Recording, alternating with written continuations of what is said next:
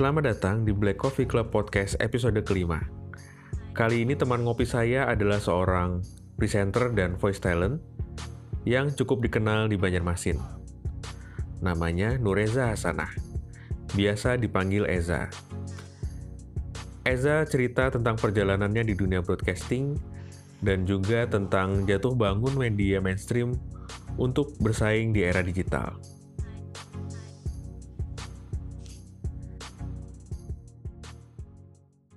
Kita bukanya dari mana ya? Uh, ini uh, ngomong-ngomong kalau misalnya ada Hmm. pendengar gitu bing, eh agak-agak awkward nih berdua wisnu sama Eza. Maaf ya, kita lama nggak teleponan, nggak Oh, ngobrol bareng. iya. Iya. Eh, kita terakhir ketemu Eh, kapan sih? Lama nu, kayaknya terakhir yang aku inget tuh malah yang ngasih jersey itu. Habis jersey itu masih ada ketemu sa Ah, ada ketemu di mana ya? di gedung susu. Waktu itu ada di gedung Sultan Suryanta tuh ada job fair. Oh, Iya. itu sebagai itu ya, sebagai pejuang Nggak kerja. nggak tahu kalian nggak tahu kalian suami istri ngapain ke situ ya. Kalian tuh udah punya kerjaan waktu itu. Aku tahu. Iya, aku tahu kalian tuh udah punya Cek kerjaan ombak. waktu itu. Cek Cek ombak nih masih ketemu teman nggak di sini nih gitu. Ngomong-ngomong Joker kapan lagi ada nih? Aduh, corona, corona. Fairnya online aja bu sekarang. Semuanya pada online Semuanya pada berubah ya. online. Hmm. Apa namanya eh, gaya hidup berubah, lifestyle berubah segala macam. Bahkan nih katanya eh, konspirasi-konspirasinya nih kalau misalnya ngomong, Hmm. ah kita malah ngobrolin COVID nih. Enggak, slow slow sampai. Apa-apa ya, Hmm. gak apa-apa ya. ya. Hmm. Jadi katanya ada yang bilang bahwa ini bakal jadi pandemik yang berkepanjangan gitu sampai berapa tahun ke depan nggak bakal selesai-selesai. Kalau misalnya yang Hmm. melihat dari eh, istilahnya itu habit dari masyarakat, Hmm. kayaknya sih gitu kali ya. Iya ya. eh iya sih eh habit terus memang sampai sekarang itu aturan yang dibikin pemerintah juga belum jelas untuk menangani ini gitu loh jadi em, kayaknya nggak bisa cepet juga sih serem juga ini Serem, serem banget. Eh, lebih serem mikirin konspirasi konspirasinya kayak iya ada yang bilang. Yang kemarin baru aja, nu, ada ngeliat nggak di Twitter bahkan jadi Ada. viral gitu. ada. Yang itu pesulap itu katanya ngasih satu apa Hmm. teori konspirasi. Hmm, malah dicap sebagai fakta. Padahal yang na- namanya kita tahu yang namanya konspirasi itu istilahnya teori aja nih. Iya konspirasi itu teori. gitu. iya. Hmm. tapi sayangnya denger mungkin bocil-bocil yang Hmm, belum disaring gitu loh. Jadi sayang kan. Kalau aku pernah baca researchnya itu ya Hmm. Teori penganut teori konspirasi itu mereka mereka itu merasa istimewa merasa bangga karena mereka anggap mereka punya info yang sifatnya itu secret Oh, gitu loh. Iya jadi ada glorifikasi.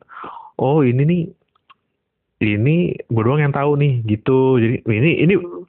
anti mainstream gitu loh. Itu yang bikin mereka tuh jadi bangga terus terus mempertahankan berasa aja sendiri gitu. iya gitu. Ya Allah tahu eh gini gini gini aja gitu.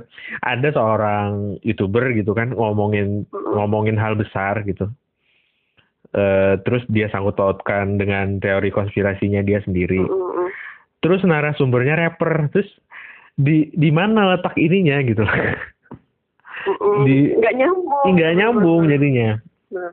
nggak nggak nggak kompeten Eh. ngomongin penyakit gitu aneh banget sih versi yang memang Hmm. benar-benar orang ahli aja gitu. Hmm. Tapi yang jelas sih kalau misalnya ngobrolin tentang corona harapan kita sama ya dok ya Hmm. supaya ini pandemiknya cepat eh, pergi lah gitu selesai tertangani dengan baik supaya orang-orang yang work from home atau Hmm. mungkin juga yang sekarang masih kesulitan untuk cari kerja akhirnya bisa kerja lagi iya sih jadi termasuk kita iya betul karena dampaknya juga iya karena nggak dok kamu work from home nggak eh jadi begini.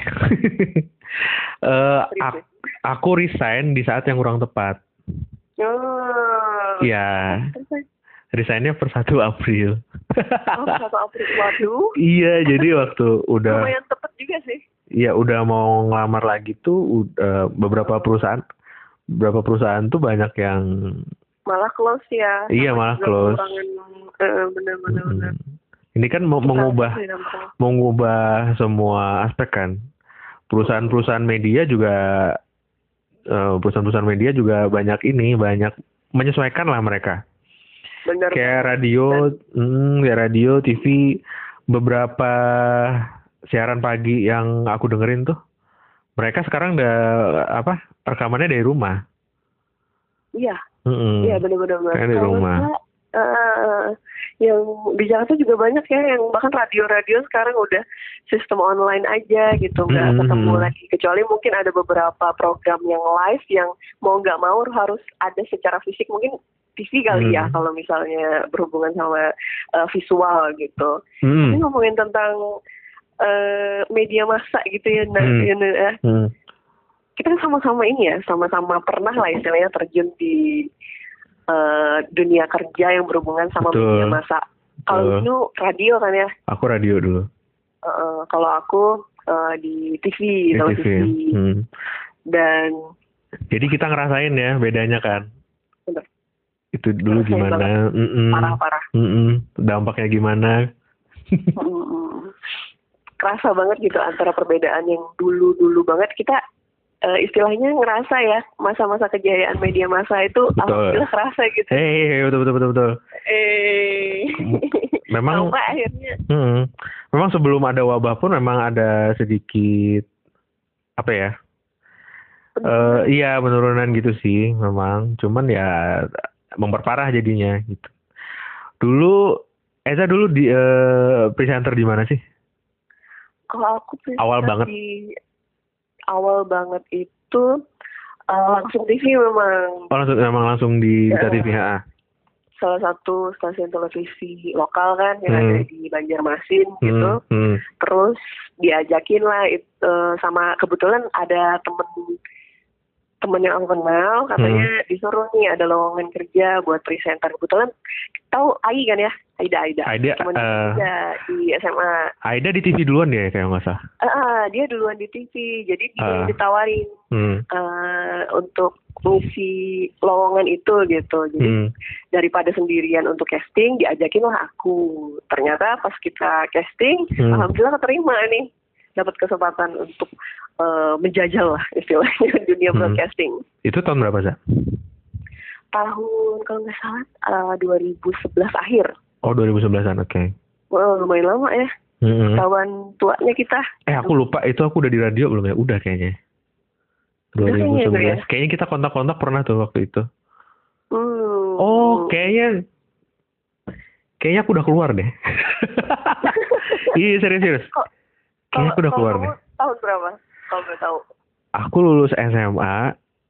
eh di, di Smart FM kan ya iya di Smart eh, di Smart FM itu lulus SMA kerja kerja tiga bulan langsung masuk situ.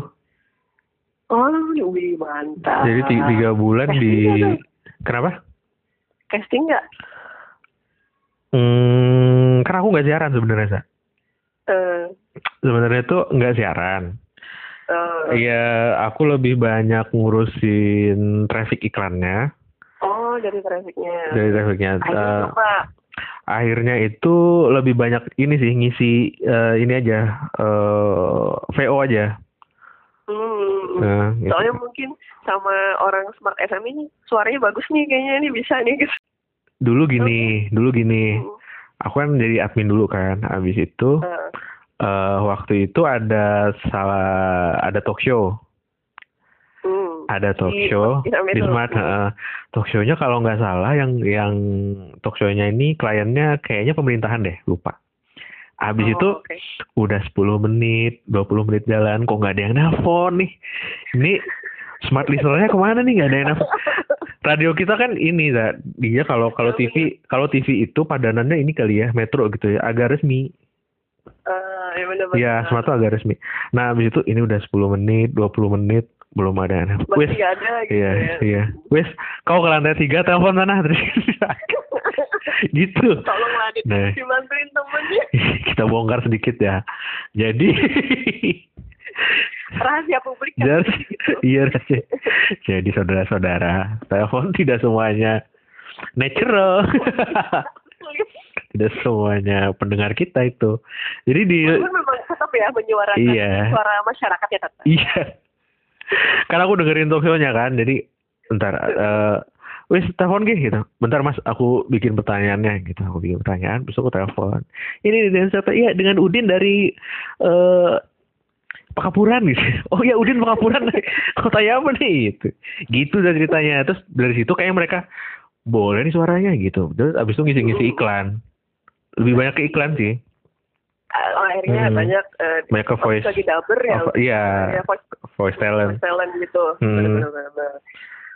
Berapa lama tuh sempet apa eh, siaran atau ngisi-ngisi iklan itu? nggak tentu sih pokoknya ada yang perlu perlu ter ah, perlu perlu suara lagi nih aku ngisi udah gitu doang teman-teman dari radio lain juga minta kayak dia yang DJ itu dia Hmm, eh hmm, gue minta suara lu dong ya kasih gitu doang jadi tidak pernah eh, secara profesional jatuhnya Zak. karena memang Iya, job, desk utamanya memang eh, di traffic iklan di administrasi Itu ya eh, di Hmm. administrasinya gitu ya. Mm-mm. Eh, kalau itu kan dari awal memang diplot presenter langsung kan sebagai presenternya dan itu lumayan sih karena Hmm. sebelumnya kan memang belum ada background sebagai eh, penyiar gitu loh.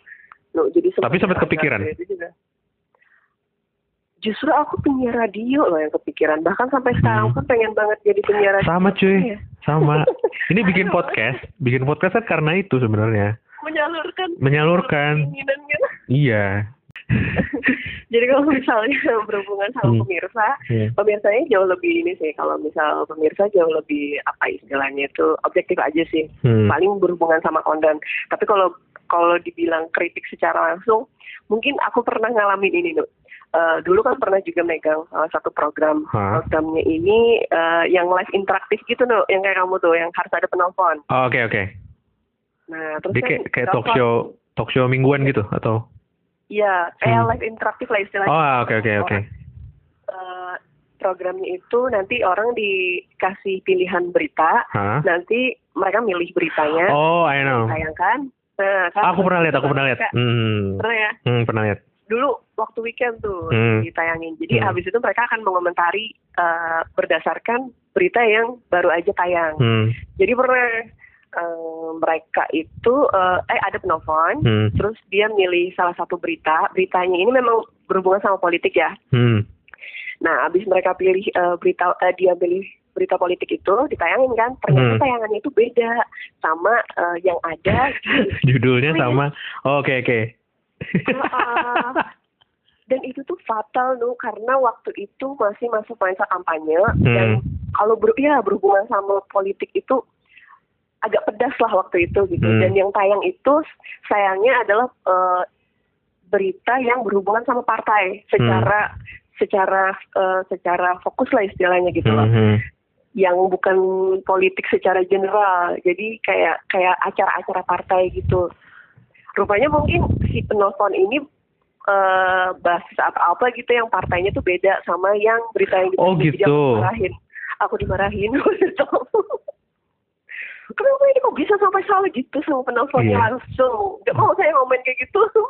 oh itu oh itu live ya Iya. itu oh live. gila Aku iya sampai berapa kali minta maaf mohon maaf karena terjadi padahal kan kesalahannya bukan si presenter ya Iya. tapi kesalahan ini terjadinya di operator teknis gitu Hmm, ya teknis. operator Ta- tapi itu tadi kalau misalnya ngobrolin tentang peran ya kalau misalnya kayak penyiar radio terus juga penyiar televisi itu pasti selalu dibilangnya ujung tombak ya nggak sih iya kan dia di depan Mm-mm. kena puji dia duluan kena semprot ya dia Iya. duluan juga bener banget. Mm-mm.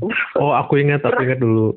Apa tuh ya itu yang hari hari minggu gitu buka TV Ini kayak Hmm. kayak temen nih tunggu tunggu tunggu siapa sih oh Eza dia Eza ini Eza oke oke. Oke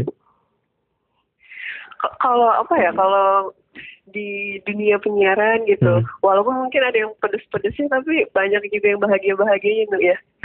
Eh, iya jadi meskipun kita media kan media lokal ya Mm-mm. tapi kita tuh tetap punya basis pendengar yang setia gitu loh Iya, nah Kalian juga waktu kan? Masa kejayaan, Hmm. bener.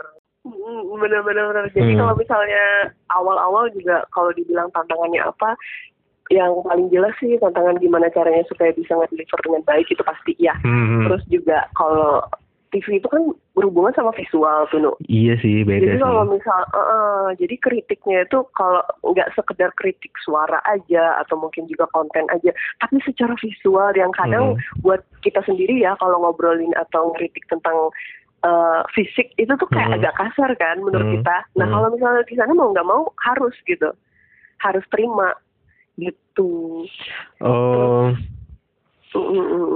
Bia- biasanya. Biasanya eh pemirsanya itu mereka ini ya, apa Spartan gitu ada ada apa langsung kritik di medsosnya gitu atau gimana? Kalau kalau misalnya yang terlalu pedas sih enggak Hmm, gitu. hmm. Eh, tapi kalau misal yang kritik secara internal sih, yang Oh, oke, di oke. dalamnya, di, dalamnya, ha. eh, di dalam perusahaan pasti kan ada evaluasi segala macam. Dibikinin kayak gathering gitu loh.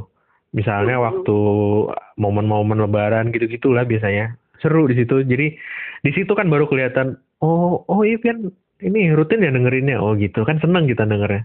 Hmm, Ya kan? so sweet. Mm-mm. Bener-bener. Apalagi katanya kalau radio itu pendengarnya jauh lebih setia ya daripada televisi. Ikatan ikatan emosi emosinya juga jauh lebih erat gitu. Bener kan? eh, iya sih, kayaknya sih gitu. Karena Iya. eh, menurutku sih lebih karena ini ya. hmm, radio itu kan bedanya dia bisa didengerin sambil beraktivitas kan. Mm. Karena nggak basisnya nggak visual gitu loh. Ah benar benar benar benar. Jadi waktu beraktivitas tuh mereka relate terus eh, ngobrolnya juga le- lebih ke keseharian yang dengerin juga gitu. Mm. Benar. Gitu sih. Eh, Steve, eh, di TV gimana? TV kalau di TV kan biasanya memang menyesuaikan sama ini ya programnya gitu Hmm. loh. Kalau misalnya kayak di radio kan pembahasannya itu biasanya itu tadi ya temanya juga relate terus Hmm. juga lagu-lagu eh, banyak lagu gitu yang bisa Hmm. menghibur lah istilahnya. Hmm. Nah kalau misalnya di televisi kan tergantung tuh programnya misal program untuk diskusi Hmm. atau programnya itu mungkin berhubungan sama entertainment. Hmm. Tapi yang jelas sih kalau misalnya kayak yang erat banget pemirsanya pemirsa setia gitu tapi Hmm. Eh tergantung sama itu lagi sih sama eh, penyiarnya masing-masing presenternya masing-masing Oh dia punya presenter idola. Eh, mungkin ada Nah, gitu, gitu ada ya. juga sih kayak gitu benar-benar Eza presenter kebanggaan Sungai Enggak, Lulut jangan gitu, Fran. berlebihan dong presenter. Kayaknya sih ini sih kalau di media lokal kayak di TV kayak di TV-nya Eza gitu kan eh mungkin ya yang ikut tuh kayak bapak-bapak yang dia Banyak, aktif pengen pengen ngikutin politik lokalnya kan gitu-gitu kan. Hmm, Aku liatin kan narasumber kalian kalian tuh kan eh, TV Eza tuh agak ini ya semi semi formatnya dia agak resmi kan.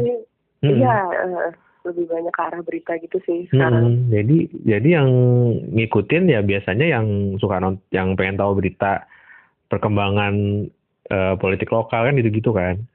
Benar-benar benar. Yang Karena memang biasanya berita-beritanya juga lebih itu sih memang relate sama yang terjadi sekarang gitu. Makanya kalau Hmm. berhubungan sama berita, pemberitaan itu sih yang sampai sekarang itu masih banyak bertahan televisi hmm, di di daerah kita ya. Makanya itu juga ada perubahan fokus gitu loh. Kalau dulu kan istilahnya eh, stasiun televisi yang tempat aku bekerja dulu tuh hmm, mereka masih terbagi gitu kan ada entertain segala macam gitu tapi sekarang karena perubahan segala macam apalagi Hmm. kan setelah adanya eh, alternatif lain untuk mendapatkan hiburan kayak YouTube kemudian juga media sosial segala macam yang lebih ramai kan hmm.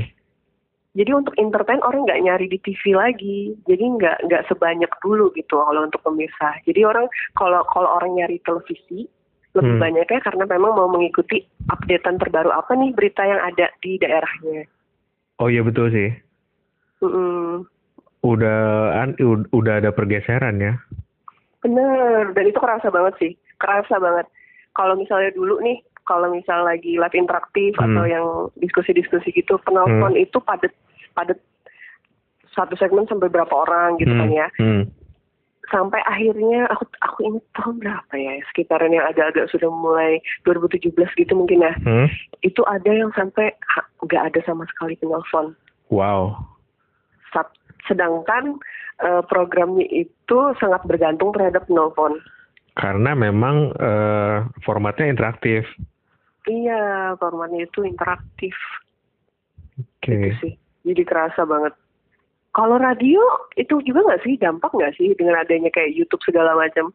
eh dampaknya sih ada memang. Mm-mm. Cuman ya itu tadi kita tetap bangga ternyata eh tetap ada yang denger gitu loh. Kita- Nah, iya. iya iya.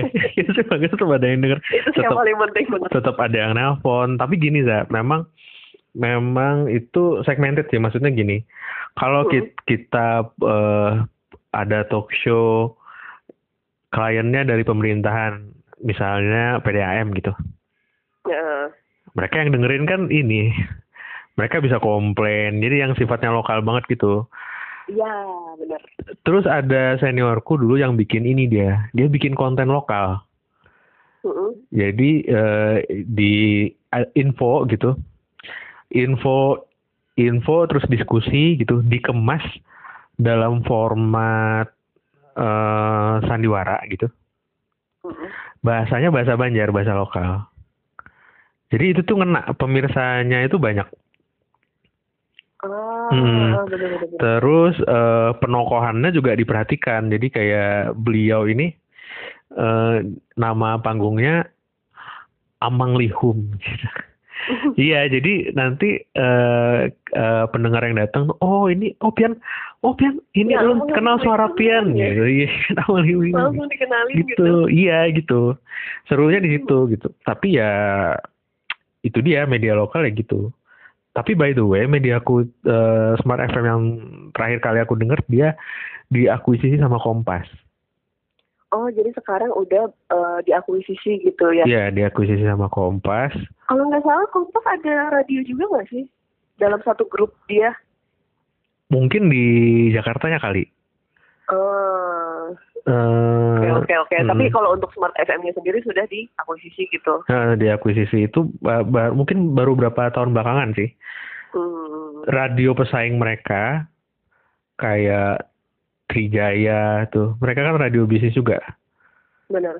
diakuisisi sama pesaing juga sama MNC Hmm. jadi sekarang mainnya gitu mereka itu media kayak radio gitu masih bisa bertahan gitu begitu mau ambruk ya yang mensupport yang ngakuisisi itu karena Hmm. ka- karena sebenarnya masih masih ada yang dengerin masih ada gitu Iya iya iya. Mm-mm. Benar. Ya betul banget kalau misalnya media massa sekarang tuh hmm. itu struggle-nya salah satunya gitu mau nggak mau kalau berdiri pun berdirinya tuh agak-agak udah kecapean gitu Hmm, loh mau hmm. jalan juga udah terseok-seok karena memang kalau dari segi pendapatan udah jauh banget ya Nu ya Iya, jauh betul. banget dibandingkan tahun-tahun yang lalu gitu sekarang kalau untuk nyari iklan aja udah susah banget karena Ha-ha. untuk iklan orang-orang jauh lebih memilih untuk mengiklankan lewat eh, selebgram kah atau mungkin seperti YouTube yang masuk di iya brandingnya jauh lebih kuat gitu Ha-ha. dibandingkan di TV TV itu salah satu media yang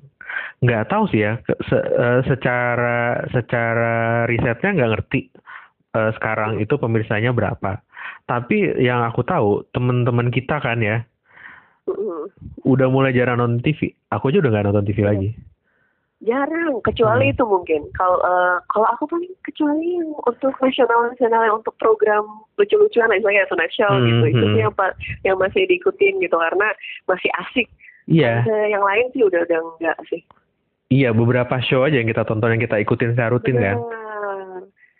Kalau misalnya TV pun kadang beritanya jauh lebih cepat di media sosial ya nggak sih? Iya benar. Untuk kita tahu gitu, misal kayak kebakaran lah atau mungkin ada info-info dari pemerintah lah. Nah, iya kan betul aja kan. kayak warga Banua gitu-gitu. Hmm.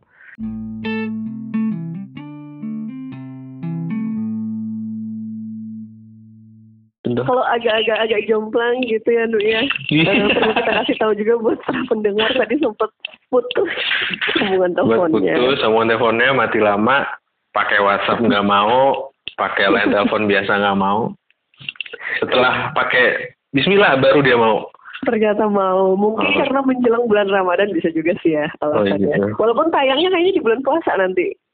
eh Aku Lihatlah. nggak ada ini sih. Nggak ada jadwal tetap. Oh, dinaikin naikin aja udah gitu. Ada Naikin aja gitu iya, ada yang ada yang ini, ada yang dua dua podcast satu hari gitu. Ada sih. kita mah yang penting bikin konsisten dulu dah itu kalau masalah jadwalnya nantilah betul sekali. karena aku bikin podcast aja nih Nu Hmm, hmm, hmm. Eh, tiga episode habis itu nggak kebikin lagi Hmm. Eza tuh bikin podcast buat apa? Eh, salah satunya itu tadi ya nyambung sama obrolan kita tadi Hmm. kayak menyalurkan apa istilahnya keinginan untuk jadi Iya. penyiar radio lah Nah, gitu. iya kan? Kita sama kan, bagi-bagi pengalaman lah Hmm. kita itu pengen nyalurin passion kita, tapi kita pengen Hmm. ada ya paling enggak sedikit aja manfaatnya sharing kayak gitu supaya orang bisa gitu-gitu kan. Mm, mm, mm. sharing sih yang paling penting Hmm. Eh, hmm. nyambung tadi kayak obrolan tadi apa tuh Tadi sampai ke ini ke strugglingnya media mainstream untuk ini kali ya untuk bertahan di menghadapi eh, pemirsa yang sekarang kan. oh iya iya benar-benar Hmm, jadi hmm. eh, setelah media mainstream, media massa udah mulai agak kesulitan nih untuk bersaing sama media-media alternatif lainnya kayak YouTube atau juga media sosial. Hmm. Berdampaknya itu tadi ya ke perusahaan, terus juga Hmm. eh, dari perusahaan juga mulai udah memikirkan gitu, bakal perubahan fokus nggak nih dari yang dulunya mungkin ada entertain segala macam untuk Hmm. yang program-programnya otomatis harus di-cut terutama untuk program yang sepertinya nggak menghasilkan iklan atau menghasilkan pendapatan lah. Nah ini juga Hmm. pengaruhnya ya akhirnya ke kita kita ini ya Nu ya. Iya benar. Ujung tombak ini mau nggak mau juga ya minta maaf juga dari perusahaan gitu. Hmm. Eh, nggak dipakai dulu untuk jasanya. Eh, tapi harusnya ya Mm. eh, TV sekarang udah mulai pinter sih. Jadi mereka mereka meng- menguatkan ininya juga media sosial mereka. Nah benar-benar. Hmm. Jadi kayak di apa? eh, kayak berita aja kan sekarang nggak cuma sekedar ditayangkan di televisi lagi, tapi juga Hmm. beritanya diupload ke media sosial seperti Instagram, Hmm. terus juga beritanya baru disebarkan di Facebook segala macam. Karena mau nggak Oh. mau sih ya, kalau Iya benar benar ikutin zaman kalah. benar. Aku eh, aku juga nonton talk show yang mainstream kayak Tonight Show itu di YouTube. Heeh. Hmm. Walaupun abis itu di itu ya, di, dikritik sama hostnya, nontonnya harus di TV. Oh iya benar benar benar benar. tapi masih tapi masih ada masih ada kok yang nonton di TV itu masih ada. Heeh, masih ada sih.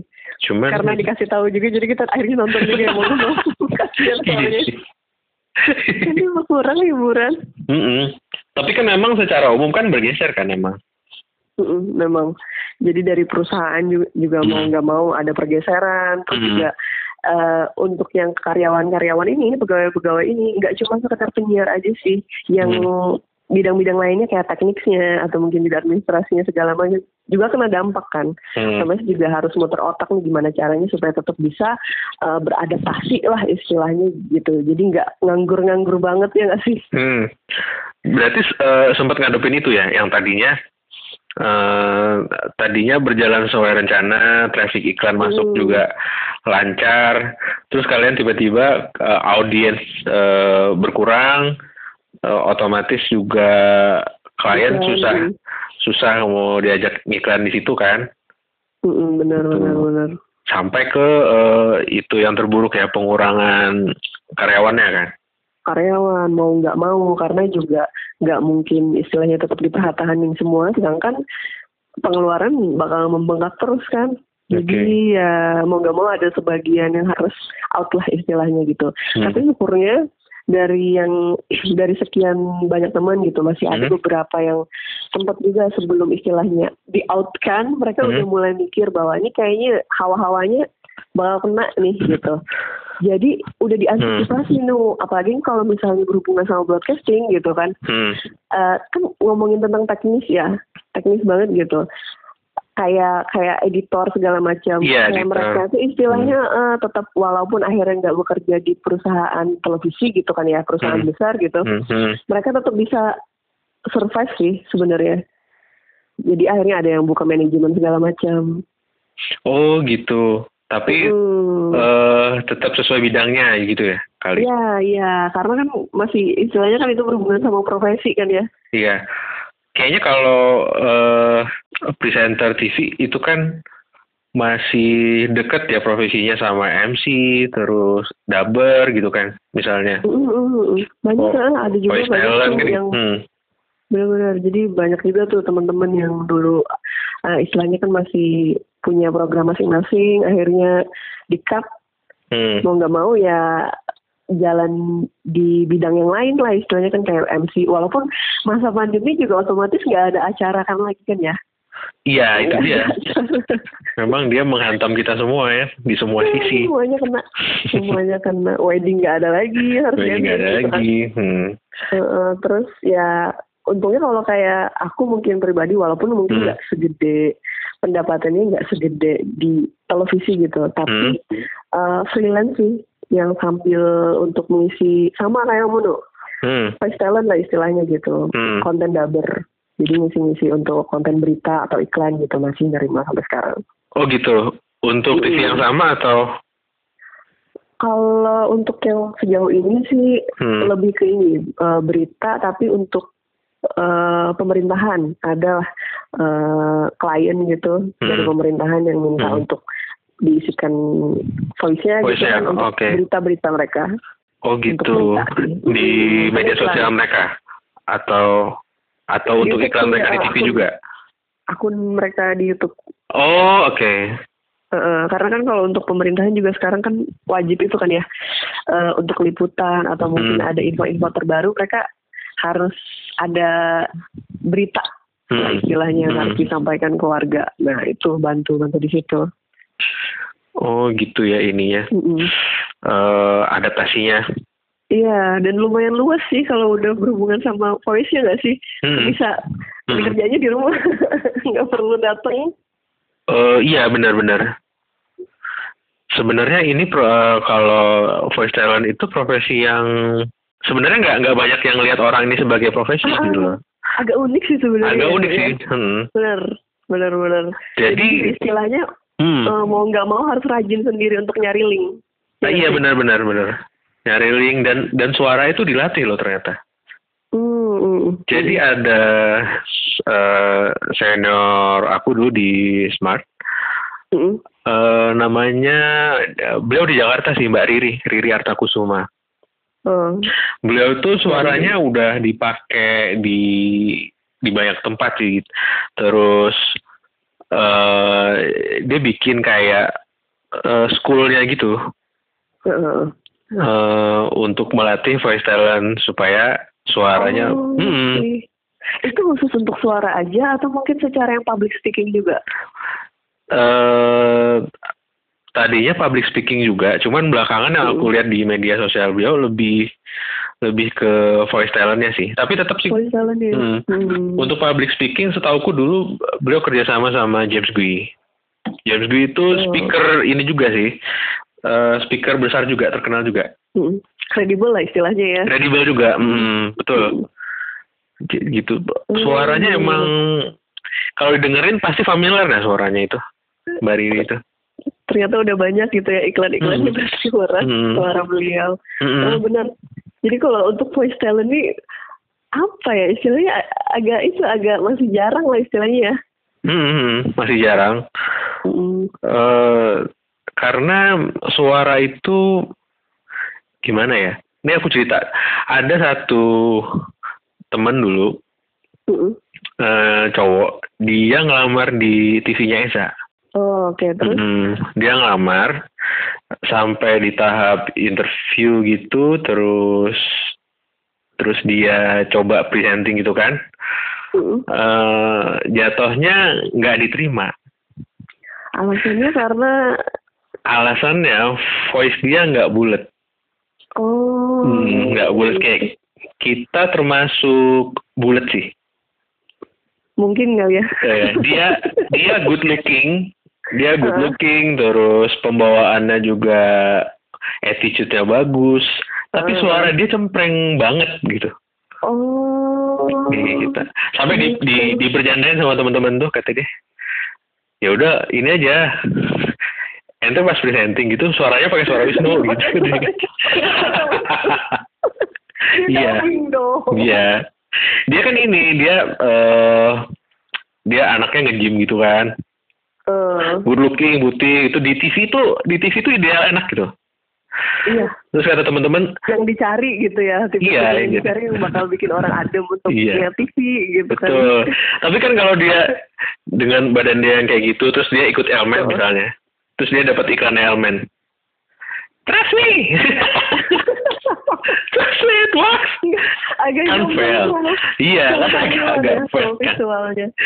agak tricky sih sebenarnya ya Nu, Agak kalau tricky. ngomongin tentang suara juga. Hmm. Aku tuh ini katanya kan kalau misalnya kayak penyiar radio gitu. Hmm. eh, ini katanya ya karena aku Hmm. sendiri kan kurang tahu juga gimana teknisnya. Katanya kan Hmm. kalau misalnya kayak penyiar radio suaranya harus bulat, eh, nggak boleh cempreng segala macam. Hmm. Tapi memang ada beberapa case tertentu yang suaranya tuh nggak sesuai dengan standar tapi Betul. ternyata cocok gitu. Kayak suara Desta, ya nggak sih? Betul. Partner, Nikta partnernya Gina. juga Nikta Gina. Benar, nih Bagina. Suaranya tuh cempreng Iya. banget ya. Rico Ceper, Rico Ceper dia enggak dia juga cantik. Heeh. Tapi bisa tetap Hmm. diterima gitu. Iya. Cuma agak tricky sih. Itu Tricky sih, betul betul betul betul. Rumah, nah betul. Kalau eh setahu kan Desta sama Nikta Gina besar duluan ya. Mm-mm. Dia punya fanbase yang bisa dibawa kalau dia masuk ke suatu radio kan. Itu juga Hmm, kali itu mungkin. kali mungkin ya. itu juga kali salah satu. satunya ya. Hmm, salah satunya Hmm. itu juga kali faktornya. Kalau dulu senior senior aku pernah dia eh, beliau ini eh bedok Jawanya. Jauh banget gitu ya. Jauh Kental banget gitu. ya. Hmm. Tapi begitu beliau baca berita, nggak ada hilang cuy. Jadi iya bisa bisa diatur, bisa diatur. Nah, Beliau cerita kan, Karena itu sulit loh. Karena Iya. bedok itu sulit iya loh. itu natural eh, kebawaan kan, jadi sulit dihilangin sebenarnya. Jadi beliau cerita, ya dulu susah banget wes, dimarahin terus gitu. Kayak kita Silam Seven berarti ya. Iya iya bener bener bener. Gitu. Silam Seven gitu. iya bener. Kalau ngomong tuh bedok gitu. Iya, kalau nyanyi mana ada. Aduh, kalau nyanyi, nggak ya suaranya. Gitu. Jadi Hmm. sementara ini eh walaupun istilahnya untuk presenting atau broadcasting ya agak seret ya, Agak seret, agak iya. sulit gitu, agak sulit. Tapi mau Iya. nggak mau ya harus beradaptasi sih untuk mencari yang peluang-peluang lain lah itu gitu kan ya, Dok ya. Iya betul. Hmm. Aku aja denger kata eh, ada penyiar Jack penyiar Jack FM Rio Rio Wicaksono yang yang di BKR Brothers. Terus Eh, Rio itu kan dia voice talent eh dia kayak kerjaan utamanya kayak itu deh gitu loh. Ke, dia- jalan. Ah, ah. Jadi untuk untuk bikin VO-nya eh, di saat pandemi gini, dia berkorban beli ininya, beli alatnya. Dia beli mixernya, pokoknya alat yang bagus gitu. Dia sebenarnya mikir katanya ini sebenarnya harganya cukup mahal, jadi jadi dia bikin. gitu ya? Nah dia worth nggak deh? Kata dia, alhamdulillahnya habis gue beli ini ya udah ada empat kerjaan yang yang udah dibikin pakai ini gitu. Udah udah ngantri ternyata. Iya, jadi layak dia. heeh, jadi layak untuk ini. Cuman eh, di rumah itu ya belajar lagi, tricky lagi kan bukan di studio. Eh, jadi kan Eza masih ada passion di dunia broadcasting, masih menekuni eh apa ya voice voice talent Di gitu. dunia Hmm. persuaraan lah. Iya, karir di broadcasting gitu. Jadi eh harapannya gimana ntar setelah terutama setelah lewat wabah ini kan ya. Jadi Mm. eh, lebih gampang geraknya gitu. Kalau apa eh, kalau aku sendiri ya Hmm. pengennya sih kalau misalnya udah pandemi selesai segala macam Hmm. malah tertariknya itu untuk fokus di eh, suara tanpa visual kali ya Karena Iya, secara iya. visual juga kayaknya udah mulai tambah tua. Jadi kayaknya kurang muncul. Enggak lah, enggak lah. Hmm. Jadi kayaknya mau itu sih, mau mau lebih fokus di apa eh, voice talent. Pengennya dan semoga ada lah nanti Hmm. dari mana dari mana linknya yang bisa bikin uh, passion aku jadi lebih terwujud lagi lah, terutama dalam Hmm. hal talent ini. Eh, Ke sekarang lebih ke suara ya.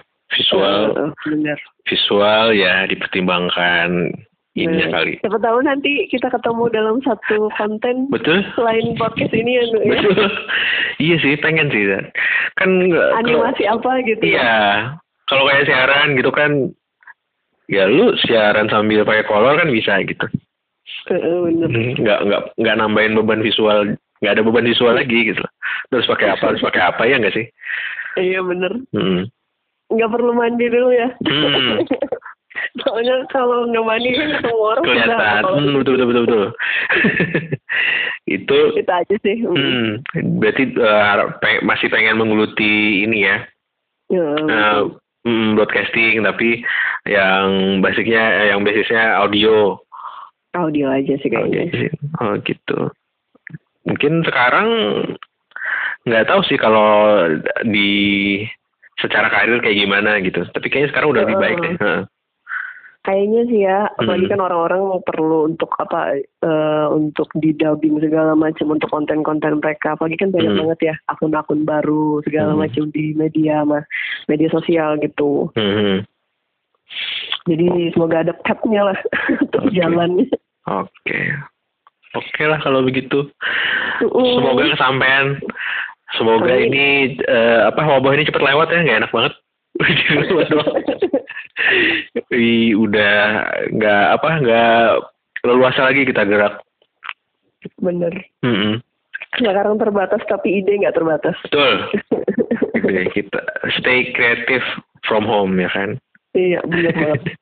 Oke, thank you Zat. Ya thank you juga buat Wisnu. Sukses ya buat Sukses terus, podcastnya. stay safe. Oke, Oke, thank you. Bye. bye.